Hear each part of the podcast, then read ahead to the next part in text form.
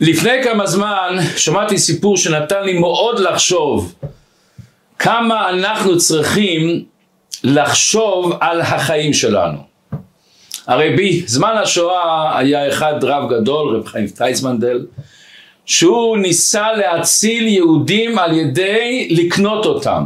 הוא בא הסכם עם הנאצים שהוא מוכן לשלם להם סכום לכל כל אחד ואחד. ואז הוא שלח אנשים לאמריקה, ואחד מהם בא לאיזה בן אדם עשיר, ואמר לו, תשמע, אני יכול להשיג כל יהודי במאה דולר, מאה דולר להשיג יהודי.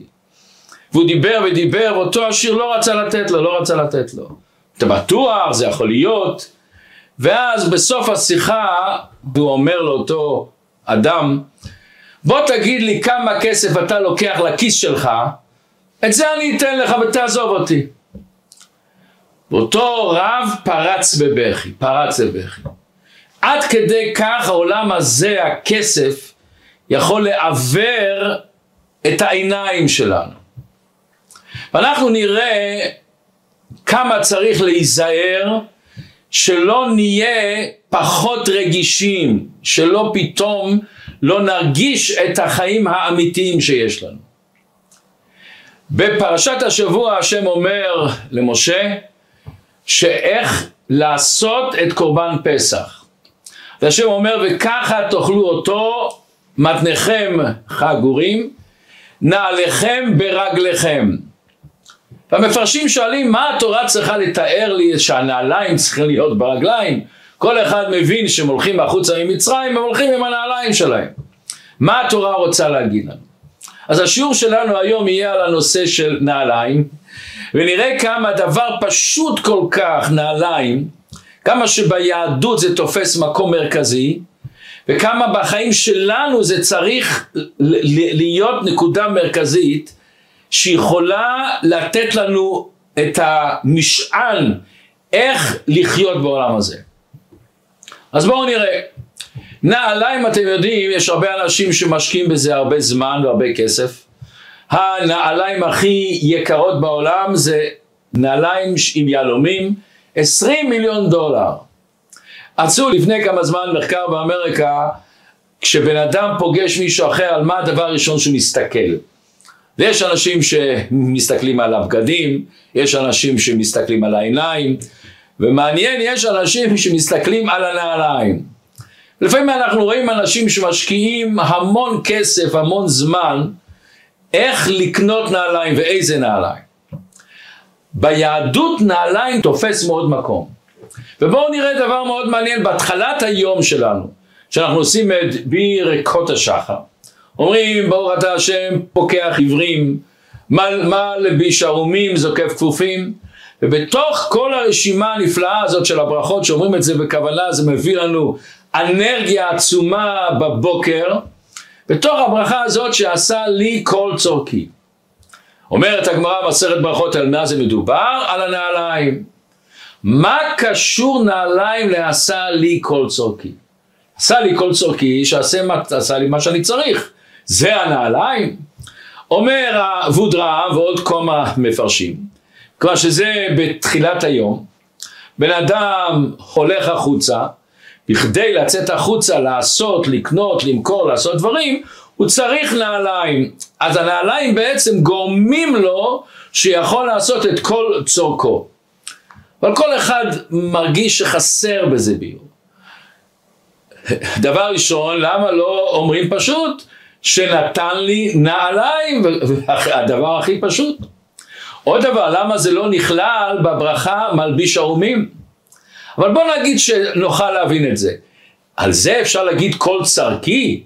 יש לבן אדם את הטרדות הפרנסה שלו, את הטרדות של המשפחה שלו, את הטרדות של העסק שלו, את הטרדות של, ה... של כל החלומות שהוא רוצה ליישם בחיים. הנעליים זה אמצעי לצאת החוצה, אבל זה להגיד כל צורכי. ועוד דבר מעניין, על נעלי, איזה ברכה עושים? רק על נעלי אור. נעליים שביום כיפור ובתשעה באב, שהרבה אנשים הולכים עם נעלי בד או פלסטיק או גומי, לא עושים. אם כל הסיבה היא רק שאני לא יוצא החוצה בזה, גם בנעלי פלסטיק אני יוצא החוצה. אז למה דווקא, דווקא נעלי אור? אבל בואו נראה עוד דבר מעניין. הגמרא במסכת ששבת אומרת, לעולם ימכור אדם קורות ביתו ואת כל אשר יש לו, ויקנה מנעלים לרגליו. מה הפירוש בזה? נעליים זה כזה דבר חשוב שבן אדם צריך למכור את כל הבית שלו, גם אם נגיד שזה לא כפשוטו. אבל מה המסר פה שהנעליים יותר חשובים מכל הבית שלך? באותו מסכת שבת הגמרא אומרת מי שיש לו נעליים נקרא אדם. מה ומי שלא הולך עם נעליים הוא לא נקרא אדם? במסכת פסחים הגמרא אומרת רשימה שלמה מישהו מנודה מוחרם לשמיים אז מי שלא שם תפילין וכולי וכולי בסוף אומרת הגמרא והמונע מנעלים לרגליו, מי שלא הולך עם נעליים. מה החטא הגדול שהוא לא הולך עם נעליים? הוא מרגיש ספורטיבי יותר, שהוא הולך בלי נעליים, מה הסיפור? בכל דבר שאנחנו רוצים אה, לגשת לעומק שלו, אנחנו כמובן אנחנו צריכים לחשוב את השורש של הדברים, את המקור של הדברים. בואו נראה מאיפה התחיל הנעליים, מאיפה התחילו הנעליים. אז דבר נורא מעניין. אחד מגדולי הפוסקים היה המגן אברהם, והוא עשה עוד ספר בזית רענן. אחד מהספרים המפורסמים של הרמ"א מיפנו זה עשרה מאמרות. ושניהם ובעוד ספרים אחרים מוסבר דבר מעניין מאוד. מתי התחיל הנעליים, המושג הזה של נעליים? אז הוא מסביר. הדם הראשון לפני החטא, כמו שדיברנו בפרשיות בספר בראשית, האדם הראשון לפני החטא היה כולו טוב. לא היה לו יצא רע. לכן הנחש הרע היה צריך לבוא מבחוץ להכשיל אותו, לשלוט עליו. אבל האדם, כמו שכתוב ברש"י במדרשים, היה כל כולו טוב. עץ הדעת נקרא עץ הדעת טוב ורע, זאת אומרת בעץ הדעת היה כלול הרע והטוב, באדם הראשון לא היה כלול רע וטוב. אז אדם הראשון לכן לפני זה היה חי לעולם, לא היה לו רע. לכן הוא היה בגן עדן. בגן עדן הוא לא היה צריך נעליים. מתי הוא התחיל להלביש נעליים?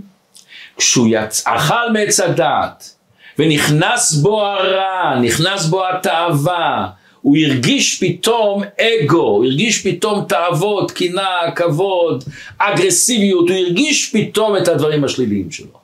ואז ממילא אוטומטי הוא יצא מגן עדן, וממילא נכנס בהר אז אוטומטי נגזר עליו דין שהוא במשך השנים הוא צריך לעזוב את העולם. כשהוא עזב את, ה... את... כשהוא עזב את הגן עדן, אז הוא הלביש נעליים. למה? הקדוש ברוך הוא אמר ארורה האדמה בעבורך. מה הפירוש? לפני החטא, כמו שהאדם הראשון היה מזוכח ונעלה, גם האדמה הייתה מזוככת. ואיך שכתוב שבאותו יום שזרעת, באותו יום צמחו הפירות, מיד לא היה צריך את כל הסדר ההשתלשלות של, של החרישה וזריעה וכולי וכולי וכולי. האדמה הייתה נעלית יותר, האדמה הייתה לא מגושמת כל כך. ברגע שהאדם הראשון יצא לאותו אדמה הארורה אחרי החטא, האדמה הזאת יכולה לסחוב אותו למטה, להוריד אותו למטה, לגשם אותו למטה. אז הקדוש ברוך הוא נתן לו את הרעיון להלביש נעליים. מה המסר של נעליים? הנעליים אומרים לכל אחד ואחד מאיתנו, תשים הפסק בינך לבין האדמה. הנעליים אומרים לנו, תשמור על הרגליים שלך, שלא ייכנסו בהם קוצים ואבנים וכולי וכולי. מה הפירוש? לא רק מבחינה פיזית, מבחינה רוחנית, שלא תהיה מגושם. אנחנו רואים מסביבנו, זה דבר נורא ואיום, שאנשים שהם נהיים מגושמים, הם מאבדים את כל הצלם האלוקים שלהם, את היופי שלהם, את הרגישות שלהם, את האהבה שלהם, את האצילות שלהם, הוא מאבד את זה. ברגע שהוא נהיה מגושם, הוא קשור באגו שלו, עד כדי כך שהוא יכול לפגוע באנשים בלי בכלל להרגיש שהוא פגע בהם. ואנחנו שומעים את זה מסביבנו כל יום, שומעים לפעמים זה עשה ככה, וזה לא אנשים פשוטים, אנשים שלכאורה בעלי רמה, ועם כל זה הם יכולים להיות במצב מאוד שפל. למה? הם לא הבינו את המסר של הנעליים. רב מאיר נפוטפס המפורסם, שהיה המשפיע שלי בישיבת כפר חב"ד, הוא אמר פעם כזה אמרה נורא ואיום. הוא אמר, אני מכיר אנשים גדולים, שקצת כסף, קצת תאווה, קצת קנאה עשתה אותם אנשים קטנים, קטנים, קטנים. וזה נורא כואב לשמוע. יש סיפור נורא. אחד, אחד הרבנים הגדולים שהיה באוסטרליה, הוא היה גם הרב הראשי הצבאי של הצבא של אוסטרליה, קראו לו רב חיים גוטניק. היה חסיד, חב"ד, יש עליו הרבה סיפורים. אז הוא סיפר שפעם נכנסה אליו אישה, ואמרה לו, יש לי בעיה ואני לוקחת את הבעיה הזאת שלי כבר הרבה שנים ולא יודעת איך להתפטר איתה. מה הסיפור? היא אומרת, כל פעם שאני רואה צבע אדום, הדפיקות לב מתחילות לי ואני רועדת ואני, ואני, לא, ואני לא יכולה להירגע. וקורה בבית שלי אין את זה, אבל כשאני יוצאת החוצה ורואה, אני, איך אני משתלטת? אז רב חיים גוטניק היה אדם חכם והתחיל, כמו שאומרים, לחפור מה הסיבה. זאת אומרת, אני אגיד לך. אני הייתי גרה בעיירה קטנה בפולניה, שהנאצים יימח שמם נכנסו, ואמרו לנו, תוך אה, זמן קצוב, שעה, שעתיים, שלוש, כולם צריכים להיות על יד תחנת רכבת. אוקיי, ואז אנחנו צריכים מיד לאסוף מה שיש לנו. בעלי לא היה בבית, אספתי את התינוקת ש... שהייתה לנו בבית, שמתי אותה בתוך שמיכה, וגם אספתי את כל הכלי כסף בשמיכה, את כל הדברים העיקריים, את השעונים, זה בשמיכה אחרת, והחזקתי את שתיהם בידיים. ואני הולכת לכיוון התחנת רכבת, חשבתי מה הולך להיות, אף אחד לא היה לנו מושג מה הולך להיות. ופתאום עובר על ידי יהודי, ואומר לי זהו זה. מה זהו זה? מה, אנחנו הולכים לאיפה? את לא שמעת? יש מחנות השמדה שמשמור ואנחנו הולכים לעלות למעלה על קידוש השם. היא נכנסה לפחד, בייחוד על ה baby שלה. הסתכלה שמאלה ימינה, וכשהיא ראתה שאין אף אחד, פנתה הצידה, ועל יד העיירה שלה היה יער. אז היא התחילה לרוץ לכיוון היער. ואז נאצי אחד בדיוק עבר, ורואה אותה רצה, אז הוא אומר, היי, היי, איפה את רצה, איפה את רצה? היא הסתובבה, ראתה אותה, התחילה לרוץ יותר חזק לכיוון היער. והוא רץ אחריה. עכשיו, היא מחזיקה את שתי הדברים האלה, והיא אישה, והיא לא כמו יימח שמו וזכרו, זה אדם צעיר. והיא מרגישה שהוא מתקרב, מתקרב, והיא כבר שומעת את הנשימות שלו. היא הייתה צריכה לזרוק משהו אחד שיהיה לה יותר קל. אז כמובן בראש שלה היא זרקה את מה? את הכלי כסף, את כל הכלי כסף, את השנים זרקה והמשיכה לרוץ. רצה רצה רצה, הגיעה אל היער ומסתובבת, היא רואה שהוא שמה לקח את, את השקית הזאת, והוא לא רץ אחריה. היא פותחת את השקית, היא רואה שהיא זרקה השם ישמור את התינוקת. היא לקחה איתה את הכלי כסף. אז היא אומרת, איך אני יכולה להתמודד עם זה? אומר לה רב חיים גוטינגר, זה אונס? היא אומרת, מה זה אונס? אם בתוך תוכי הכסף לא היה כל כך תופס מקום, כל אחד מבין שהתינוקת שווה הרבה הרבה יותר מהכסף. אבל איך אני יכולה לעשות כזה טעות? איך שייך לעשות כזה טעות? סימן שבאיזשהו מקום, איזשהו מקום הקשר לעולם הזה היה אצלי בפנים בפנים בתת הכרה חזק. ועל זה אני בוכה. זה מה שבן אדם צריך לדעת הנעל, מה היא אומרת לנו. היא נותנת לנו מסר. היא אומרת לנו, באנו לעולם הזה, כמו שכתוב, אשר ברא אלוקים לעשות, אומר רש"י, מה זה לעשות? לתקן. והשם נתן לנו את הכוחות להתרומם מעל האגו שלנו. להתרומם מעד המכוער שבנו. להיות אנשים אצילים, עם הרבה אהבה, עם הרבה חומר, הרבה נתינה, ליצור דברים חדשים בעולם. לעשות עיניים נוצצות לילדים ולאנשים מבוגרים. לתת אנרגיה חיובית שאנשים מסביבנו יחייכו, שירגישו טוב מסביבנו. לחשוב לעצמנו כמה אנשים יכולים לומר שהם אכלו את האוכל שלי, את הבגדים שלי. כמה אנשים יכולים לבוא ולהגיד שאני הייתי המלאך שלהם, עודדתי אותם, עזרתי להם, בכל צורה שלא תהיה. זה הנעל אומרת לנו את המסר, תיזהר, אל תאבד את הייחודיות שלך. זה מה שאומר אבודרהם שעשה לי כל צרכי. שאלנו, מה זה, זה כל צרכי? נעליים הוא נותן, מה זה כל צרכי? אה. אומר אבודרהם, אתה יוצא לעולם, ואתה יודע שבעולם הזה יש דברים שיכולים למשוך אותך שתאבד את הצלם אלוקים, שתאבד את הרוחניות שלך, את הנשמתיות שיש בך. תלביש נעליים וברגע שתפסת את המסר של הנעליים, כל צרכי יש לך כבר את הצורך מה שאתה צריך. זה אתה צריך לזכור. לכן יש דבר מעניין מאוד, שאנחנו מדברים על ה... כל הברכות, אז אנחנו אומרים את הכל בלשון רבים. מלביש ערומים, זוקף כפופים, מתיר אסורים. פה אנחנו אומרים שעשה לי כל צורכי. למה אנחנו אומרים ביחיד? בגלל שפה המסר שאתה באופן יחיד אתה קולט את זה. אתה באופן יחיד אתה קולט מה הצורך שלך, מה העוצמה שלך, מה הכוח שלך, זה הנעליים שאתה מבין אותם. עוד דבר, כל הברכות הם בהווה, מלביש ערומים, מתיר אסורים, זוקף כפופים. פה אתה אומר שעשה לי כל צרכי, כל צרכי. מה זה הכל צרכי הזה? מה זה הכל צרכי הזה בלשון עבר שעשה לי? אומר הקדוש ברוך הוא שבראתי אותך, נתתי לך את העוצמה הזאת. אל תחשוב שאתה צריך לחדש את זה. זה, תל, זה ב-DNA שלך, בגנים שלך זה נמצא. הכוח העצמי הזה שאתה יכול להפריד את עצמך להיות מעל האדמה.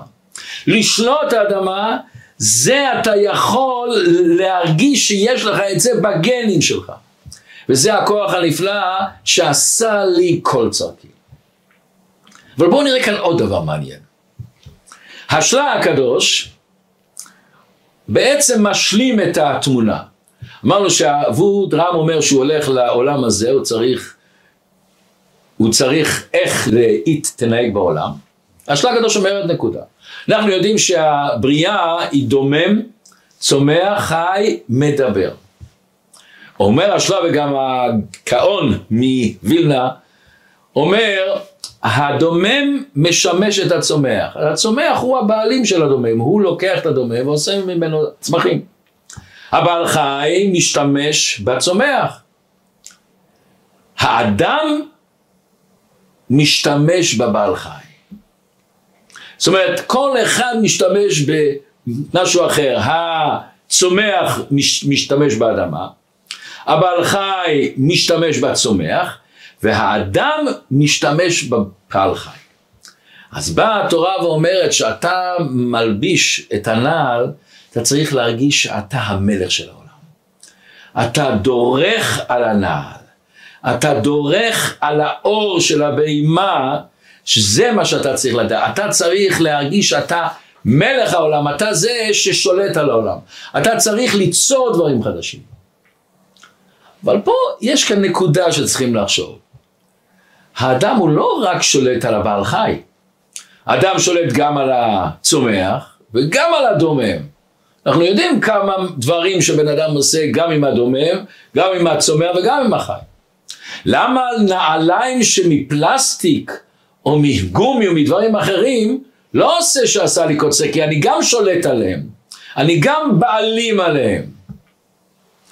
אבל כאן בא דבר מדהים, מדהים. כמה שהתורה כל כך מדוקדקת. אנחנו יודעים שלאדם הראשון, שכתוב בפסוק שלאדם הראשון השם נתן לו לאכול רק מן הצומח. היה אסור לו לאכול מן החי. אחרי המבול, אז כתוב שהשם נתן היתר לאכול גם את החי. שואלים המפרשים למה, למה לפני זה היה ככה ואחרי זה ככה, מה השינוי הזה? מה המסר שזה לא אומר? בעל העיקרים אומר, מה היה השורש של האנשים שעשו חטא במבול? הם ראו שאסור לנו לאכול חי. מה זאת אומרת שאסור לנו לאכול חי? אה, סימן שבן אדם זה גם סוג של בעל חי. הוא אוכל והוא אוכל, הוא נושם והוא נושם, הוא הולך והוא הולך. אולי יותר משוכלל, אולי יותר חכם, אבל אתה בעל חי. מזה הם באו לעוד מסקנה.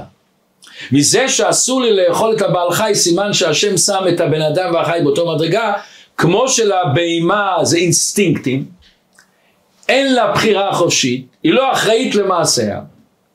אתה לא כועס אליה, אתה לא אומר לה מה עשית, מה, איך התנהגת, ככה אנחנו אין לנו בחירה חופשית, אנחנו גם רובוטים, גם בעלי אינסטינקטים. אם אין לי בחירה, אין שכר ועונש. אם אין בחירה, אין רע וטוב. מזה התגלגל, אומר בעל העיקרים, את החטא של אנשי המבול. עכשיו זה מובן נפלא. למה דווקא אנחנו עושים דווקא על, על אור של בהימה, על נעל של אור של בהימה, על זה עושים שעשה לי כל. כל המטרה היא להגיד שאתה לא בעל חי. שאתה לא צומח, שאתה לא דומה, זה פשוט, זה אף אחד לא, אף אחד לא עולה על דעתו שזה לא כזה. אבל שאתה בעל חי, וכמו שאנחנו מכירים היום אנשים שאומרים בא לי, או אומרים זה אני, מה אתה רוצה? זה אני. ויש אפילו, אפילו פסיכולוגים מסוימים שרוצים להגיד שאין בחירה לבן אדם. אתה הכל אינסטינקטים, אתה הכל מושפע מההשפעה של הסביבה וכולי, אתה לא אחראי למעשיך. חס ושלום שבן אדם הולך בהשקפה הזאת, יכול להרוג, יכול לרצוח, יכול לעשות דברים הכי מושחתים בהרגשה ששום דבר לא קרה. אין בחירה, אין משפט, אין צדק, אין מוסר, אין שום דבר. היטלר יימח שמו הוא כתב. למה הוא שנא את היהודים? אז הוא אומר, הם עשו שני מומים באדם. הם עשו לנו ברית מילה, שזה מום בגוף, והם עשו לנו את תורת המוסר, שזה פגם בנפש של הבן אדם. אין מוסר, הוא אומר. העליון שולט על התחתון. זה הסוד שלו. באה התורה ואומרת, ברגע שאתה לובש נעליים, זה לא הנעליים שאתה מודה. אתה מודה על המסר שהשם נתן לך. שהשם נתן לך את הנעליים, אשר אומר לך שנתן לי כל צרכי, הוא נתן בדיוק מה שאתה צריך. מה אתה צריך? לדעת שאתה בחיר הנבראים. שאתה חלק אלוקם ממעל ממש. שיש לך אחריות על העולם. נולדת פה ליצור משהו. הרבה אומר במאמר בי' שבט, אנחנו עוד מעט מתקרבים לי' שבט, שבתשי"א זה השנה שהרבה בי' שבט התחיל את הנשיאות שלו. אז הרבה מביא מהבעל שם טוב שיש קליפה. הקליפה הזאת היא נקראת מי אני ומה אני. אומר הבעל שם טוב, הבן אדם חושב מי אני, מה אני שווה, אין לי שום ערך. מי אני, מה אני, מה המעשים שלי, אין להם ערך. יש אחד בהולנד שהיה אנתרופולוג מפורסם, קראו לו דניאל מיירס. והוא פעם שאל אצל הרבה, מה העבודה של הזמן שלנו? מה התיקון, מה הנקודה הפנימית? אז הרבי אמר לו, התיקון הפנימי הוא לתקן את העניין של מה אני ומי אני.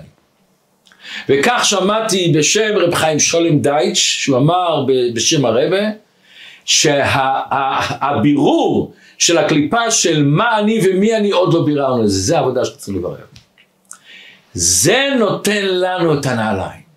שמצד אחד אומר לנו אתה מרומם על כל הנבראים, אתה דורך גם על הבעל חי שנראה שהוא כמוך אתה מעליו, ומצד שני זה אומר תיזהר, תיזהר, תיזהר מאוד מאוד שלא תהיה שקוע בגשמיות. תמיד תדע שאתה מעל, שיש הפסק בינך לבין האדמה. וכמו בסירה, אונייה, אונייה יכולה להיטבע בים, אבל אם אתה שם את האונייה, אתה שם את העצים, את הדפנות, ואתה יכול להישאר באונייה. ולא רק שאתה לא נטבע במים, המים מוליכים אותך. ברגע שאתה שולט על העולם הגשמי, אתה יכול להשתמש עם העולם הגשמי להעלות אותו לקדושה, לזכח אותו לקדושה. וכאן אומר אדמו"ר האמצעי, שהוא היה הבן של בעל התניא הזה שהתחיל את תורת החסידות חב"ד, אומר דבר נורא מעניין. הרי כל דבר זה השגחה פרטית. את כל הבגדים אנחנו לוקחים את הבגד, מלבישים עלינו. בנעל אנחנו שמים את הנעל ואנחנו מכניסים את הרגל לתוך הנעל. הוא אומר, מה כאן המסר? מה זה אומר לנו? מה זה אומר הדבר הזה? זה אומר לנו שבנעל אתה צריך להכניס את עצמך בנעל. זה לא שהנעל בטלה אליך, לא שהבגד, אתה לוקח את הבגד ואתה שם אותו עליך. אתה משאיר את הנעל, הנעל זה דבר עיקרי, ואתה שם את עצמך בתוך הנעל. למה? בכדי שעולם הגשמי לא ישלוט עליך. ובואו נשמע סיפור נפלא של עצמר צדק. מספרים על אותו סיפור גם על הרבי מרוז'ין, וכנראה אצל שתיהם היה אותו סיפור. פעם עצמר צדק נכנס לבית מדרש, והחסידים ישבו ולמדו, והוא אומר, מה אתם רוצים לשמוע, דבר תורה, מאמר, חסידות או סיפור? חסידים מיד הבינו סיפור, סיפור. אז הוא אומר להם סיפור. היה בן אדם אחד שהיה לו כזה בית מלון, והוא השכיר אותו למישהו אחר. והסוחר היה צריך לשלם את הכסף. בהתחלה הוא שילם, אבל אחרי זה עבר עוד שנה ועוד שנה והוא לא שילם. אחרי שעברו שנתיים, אז הוא הלך לרב, ואומר לרב, מה, מה אני מוציא אותו, זורק אותו, אומר לרב, תרחם עליו, בן אדם, משפחה, ילדים, איפה אתה? אוקיי, עוד שנה. אחרי עוד שנה, עוד פעם, עוד פעם לא שילם, עוד פעם הוא בא לרב. אומר לרב, העושים, תרחם, תרחם, תרחם. השנה השלישית, הוא כבר לא הלך לרב, זרק אותו. אחרי 120 שנה אותו זה שהיה המשכיר עלה לשמיים ושואלים אותו איך אתה זרקת אותו, איך זרקת אותו ומה זאת אומרת הוא לא שילם לי כסף, כן אבל הרב אמר שאתה צריך לוותר, הרב אמר שאתה צריך לוותר, איך אתה עשית את זה?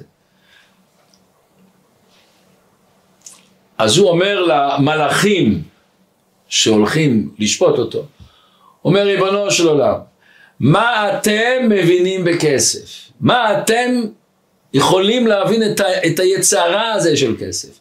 אני לא מסכים שאתם תלכו לשפוט אותי, אני לא מסכים. אני רוצה שישפטו אותי אנשים שהיו בעולם. אז הביאו את הבית יוסף, את הבח והתז, הם אנשים שהיו פה והם כבר למעלה, והושיבו אותו בבית דין. והבית דין פסק באמת, הם פסקו שאסור לו, אם, איך הוא זורק את הבן אדם הזה מהרחוב.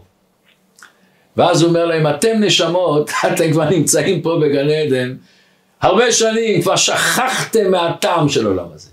שכחתם מה שכסף יכול לעשות לבן אדם. מה שתאוות יכולות לעשות לבן אדם. מה שכעס יכול לעשות לבן אדם.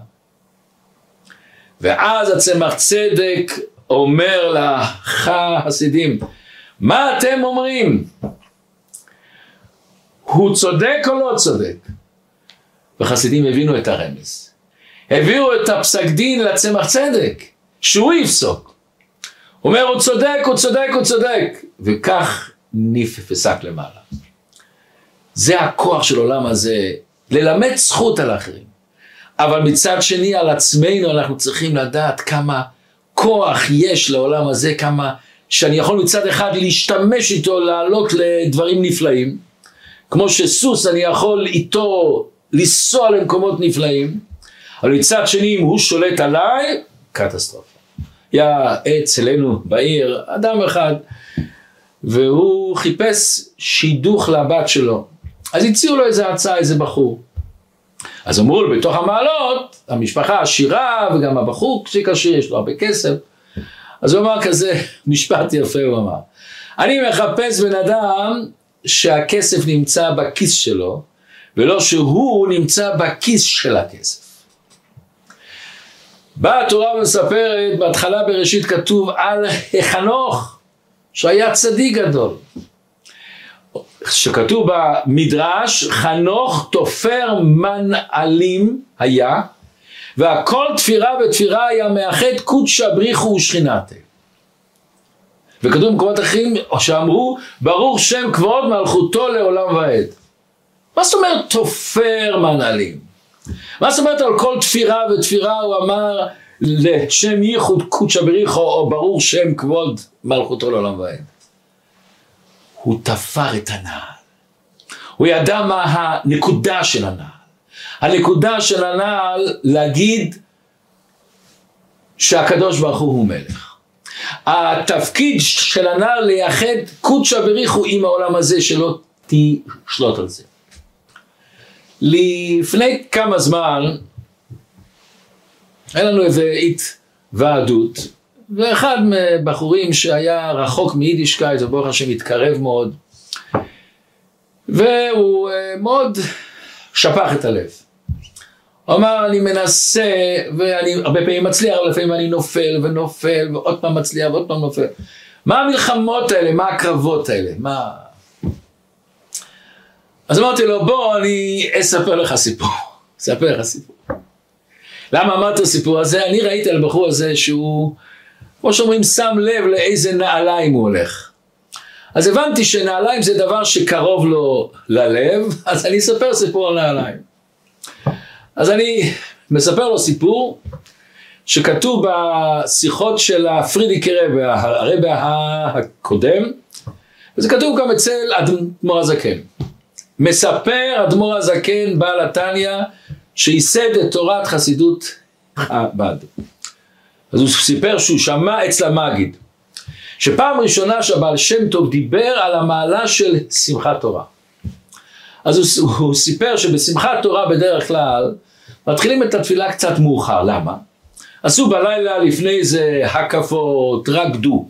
אחרי זה באו הביתה וסעודת חג ושרו ורקדו, אז מתחילים את התפילה קצת מאוחר.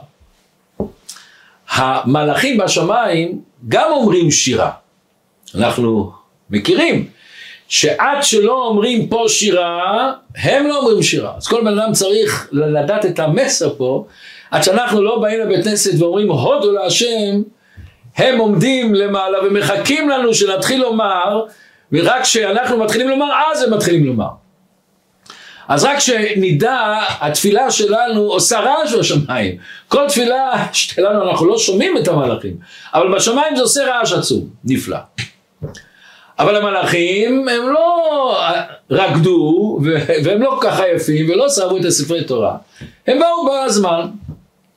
הם באו בזמן כמו שהם באים בכל יום,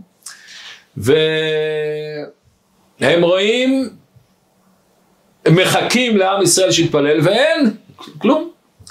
אז הם הלכו לגן עדן לסדר את גן עדן. אומר אבל שם טוב הם מצאו שם נעליים קרועות. נעליים קרועות בגן עדן, חילול השם, מה זה עושה פה? למי הולכים לשאול? למלאך מיכאל. מלאך מיכאל זה המלאך החסד שאוהב את עם ישראל. מה בא כאן נעליים קרועות לגן עדן? מה זה עושה פה? אומר להם, זה הסחורה שלי. זה הסחורה שלי. מה הסחורה של המלאך מיכאל? אומר לו, זה, אני לוקח את הנעליים הקרועות שהיהודים נקרא להם הנעליים בשמחת תורה בריקודים החזקים. והוא אומר להם זה ממזרית וזה מינסק וזה, הוא התחיל להגיד זה הנעל הזאת מפה זה להם, הוא אומר להם. והוא אומר להם אני לא כמו מלאך מתת, אחד מהמלאכים הגדולים זה מלאך מתת. הוא, ממה הוא עשה כתר לקדוש ברוך הוא? הוא עשה כתר לקדוש ברוך הוא מהתפילות של עם ישראל. אני לוקח את הנעליים הקרועות האלה ומהם אני עושה כתר לקדוש ברוך הוא. מהם אני עושה כתר יותר נעלה מהתפילות של עם ישראל. זה נעליים שיהודים נקרא להם וזה נקרא להם בריקודים, בשמחת תורה, שהם שמחו בתורה של הקדוש ברוך הוא. לא מצאנו אף פעם שעורכי דינים לוקחים את הספר המשפטים ומחזיקים את זה רוקדים, השופטים לא רוקדים, הפוך לפעמים. אצלנו לוקחים את התורה ושמחים איתה. וכאן הרב שאל שאלה מעניינת מאוד. למה דווקא מצאו נעליים קרועות? אנחנו יודעים בהקפות גם נקרא לפעמים חולצה, חליפה, לפעמים הכובע נופל והתכמת לגמרי וגם לפעמים הוא נקרע. למה דווקא נעליים ריבונו של עולם? למה לא ציצית וכולי? אז הרב מסביר כך. כובע, כל אחד מבין שכובע שייך לדברים רוחניים. כובע זה מכסה את הבן אדם, ציצית, הבגדים. זה עניין של צניעות, זה מכסה את הבן אדם, זה דברים שמזה אתה עובד את השם. נעליים, כל המטרה שלו זה רק להציל מקוצים, מאבנים. כל המטרה שלו להציל אותנו מקוצים ואבנים רוחניים גם, אה, שמהקליפות שלנו. כל המטרה של הנעליים להציל אותנו מהקשר לחומריות, שתמיד נהיה מעל החומריות, נשתמש בחומריות, אבל נהיה מעל, שלא נצלול לתוכה, היא לא תוכל לשלוט עלינו. אבל לפעמים בן אדם לא מצליח. לפעמים הנעליים נהיו קרועות, ולפעמים הוא נופל, ולפעמים היצרה שולט עליו. ולפעמים הגשמיות שולט עליו ומבלבל לו בראש לחוד. וחס שלום, לא תמיד הוא מצליח. אומר הקדוש ברוך הוא, גם הנעליים הקורות, גם הנעליים האלה, גם המצבים האלה שניסית ונפלת. גם הזמנים האלה שלא כל כך הצליח. אבל זה עצמו שהתמודדת, שלחמת, שעשית, זה הקדוש ברוך הוא, גם הנעליים הקרועות יקר אצלו. מלאכים לא מבינים את זה. למלאכים אין נעליים. מלאכים לא צריכים את הנעליים, הם כולם קדושים וטובים. אבל הקדוש ברוך הוא רוצה דווקא את הנעליים. דווקא את הכוח שבן אדם יכול להתמודד ולהתעלות. ואיך שאנחנו אומרים הרבה פעמים, מה שלא שובר אותך, מרומם אותך, מחזק אותך, מחשל אותך. ותשמעו פסוק. הפסוק אומר לנו, מה יפו פעמייך בנעלים?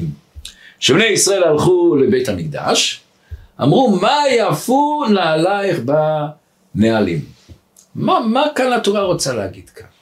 ואומר המדרש, אמר רבי יהודן, הדיוט מקלס בלשון זה, גנאי הוא לו, וזה הקדוש ברוך הוא משבח את עם ישראל שהנעליים יפות?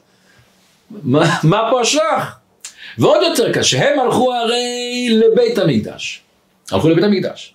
בבית המקדש על פי ההלכה, שם לא הלכו עם נעליים, היה אסור ללכת בנעליים. למה? כמו שמשה רבנו שהוא בא לסנה הקדוש ברוך הוא אומר לו להוריד את הנעליים של נעליך מעל רגליך כי המקום אשר אתה עומד הוא קדוש במקום קדוש אני לא שם נעליים למה? מאוד פשוט למה במקום קדוש אני לא רוצה הפסק אני לא רוצה מחיצה, אני רוצה כן להתבטא למקום הזה, כן לשאוב את הקדושה שלו, כן לקבל את הקדושה שלו. אז לכן בבית המקדש, או בסנה, או, או כתוב במשכן, הלכו בלי נעליים. למה? מכיוון שאני רוצה את הקשר אל הקדושה שיש שם. פה אתה משבח את עם ישראל שהוא הלך לרגל אז כשהוא הלך לרגל, מה יפו פעמייך בנעלים? מה מעלה נעליים? בבית המקדש הקדושה שלהם. הם הלכו בלי נעליים. מהקדוש ברוך הוא. יותר יקר אליי שהם הלכו לבית המקדש. בבית המקדש אתה מרגיש קדושה, אתה מרגיש אש יורדת מן השמיים, אתה שומע, אתה רואה את כל הקרבת הקורבנות, אתה רואה את כל העשרה ניסים שלא, שלא היה זבובים, אתה רואה את האלוקות. אז הקדוש ברוך הוא יותר יקר ההליכה שאתה הולך בדרך, שיש לך אתגרים, ויש לך מחשבות, ואתה מחשב לעצמך, אישרתי שם את הבית שלי, את הביזנס שלי, ואישרתי את הפרות שלי ואת החיות שלי, מה יהיה איתם? ואתה מתמודד והולך, זה אצל הקדוש ברוך הוא עוד יותר יקר. למה? מכיוון שפה אתה מתמודד. לכן הוא לא משבח שבני ישראל נכנסו לבית המקדש, אלא שהלכו לבית המקדש. ועכשיו נראה דבר מעניין מאוד. מה יהיה לעתיד לבוא? לעתיד לבוא, כשמשיח יבוא, תחיית המתים, לכאורה יהיה כמו זמן של בית המקדש. אז הקללה שהשם קילל את האדמה ארורה, האדמה בעבורך, לא תהיה כבר. כתוב שבשלב הראשון אפילו יהיה כמו האדם הראשון לפני החטא. על אחת כמה וכמה בתחיית המתים שזה יהיה מדרגה יותר גבוהה. אז לכאורה אז לא יצטרכו ללכת עם נעליים. ותראו מה שכתוב בפסוק. כתוב בישעיהו, והניף את ידו על הנער, והיכהו לשבעה נחלים, והדריך בנעליים והם הלכו בנעליים. למה נעליים? זה הנקודה. לעתיד לבוא הקדוש ברוך הוא ירצה לראות את הנעליים שלנו. ירצה לראות את הנעליים האלה שבזכותם ההתמודדות שלנו עם הנעליים, בזכות זה בא משיח. בזכותם דווקא הגענו למה שהגענו, בזכותם הגיע המשיח ותחיית המתים וכולי וכולי. למה? ההתמודדות הזאת היא, היא בה היא עצרה. וזה המסר בשבילנו. מצד אחד, גם כשאנחנו נמצאים לפעמים בהיט, רוממות רוח, ואנחנו מרגישים שאנחנו לומדים ומתפללים ועושים תורה מצוות, חושבים, או, אני כבר בסדר.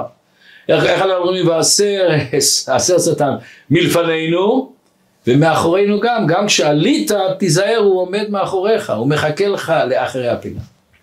מצד שני המסר, גם אם נקרע לך הנעליים, גם אם חס ושלום, חס ושלום לא הצלחת, תדע לך אצל הקדוש ברוך הוא מה יעפו, זה חשוב מאוד, ולעתיד לבוא השם רוצה אותך עם הנעליים. לפי זה נבין דבר נורא מעניין. כתוב בספר החסידים של רבי יהודה החסיד. הוא אומר, אסור לנעול נעליים של מת. זאת אומרת, כשבן אדם נפטר, את הנעליים אסור לתת בירושה, אסור להעביר את זה הלאה. זה גם אחד ההסברים שאומרים שעשה לי כל צרכי, הנעליים הם רק לי, זה לא עובר הלאה, שאסור לקחת. למה? לפי זה נוכל להבין את זה נפלא. הנעל מסמל את ההתמודדות שלך. כשבן אדם נפטר אנחנו אומרים, וינוח בשלום על משקפך. לא לשלום בשלום, הגעת לשלמות שלך. אם אני משתמש בנעל שלו, זה כמו שאני אומר שהוא לא סיים את השליחות שלו. הוא לא סיים את העבודה שלו. וזה אסור לעשות לי את זה. אז את הבגדים אני יכול, את הנעליים דווקא לא. ופה נראה עוד דבר מפליא מאוד שהרבה אנשים שהתחילו קצת להתקרב ליהדות, כולם שאלו אותי שאלה הזאת. אנחנו יודעים שכל דבר מתחילים ביד ימין. שמלבישים את החליפה, את הסרדוק, כל דבר ביד ימין. בנעליים מתחילים להכניס בנעל ימין ושמאל. אבל שקושרים, קושרים בצד שמאל. עד כדי כך שיש פוסקים שאמרו שאם טעית וקשרת בימין, אתה מוציא את הנעליים עוד פעם, ואתה עוד פעם צריך לקשור בצד שמאל ואחרי זה. למה? מכיוון שקשר של תפילין בצמאל. מה קשור אחד לשני ריבונו שלו? תפילין קדושות, זה רגל, זה יד, למה לא מכניסים את היד בצד שמאל ראשונה? מה קשור הקשר של תפילין לקשר של נעליים? אבל אנחנו מבינים. התפילין אנחנו אומרים לשעבד ליבו ומוחו לקדוש ברוך אנחנו שמים את התפילין של יד לשעבד את המעשה, כוח המעשה, ושמים את זה על, על, על ממש על יד הלב. למה? לשמור על הלב ועל המוח ועל הידיים שיהיו בסדר. וזה כל העניין של נעל. אומר הקדוש ברוך הוא שאתה קושר את הנעל תזכור זה לא סתם נעל לעולם ימכור אדם את כל לו ויקנה מנהלים. למה מנהלים? הנעליים האלה זה התפילין שלך. זה הקשר שלך עם הקדוש ברוך הוא לזכור כל הזמן שאתה מעל האדמה. שהשם ייתן לנו לכולנו את העוצמה הנפלאה הזאת, שתמיד נהיה מעלה ונזכה בקרוב לביאת משיח.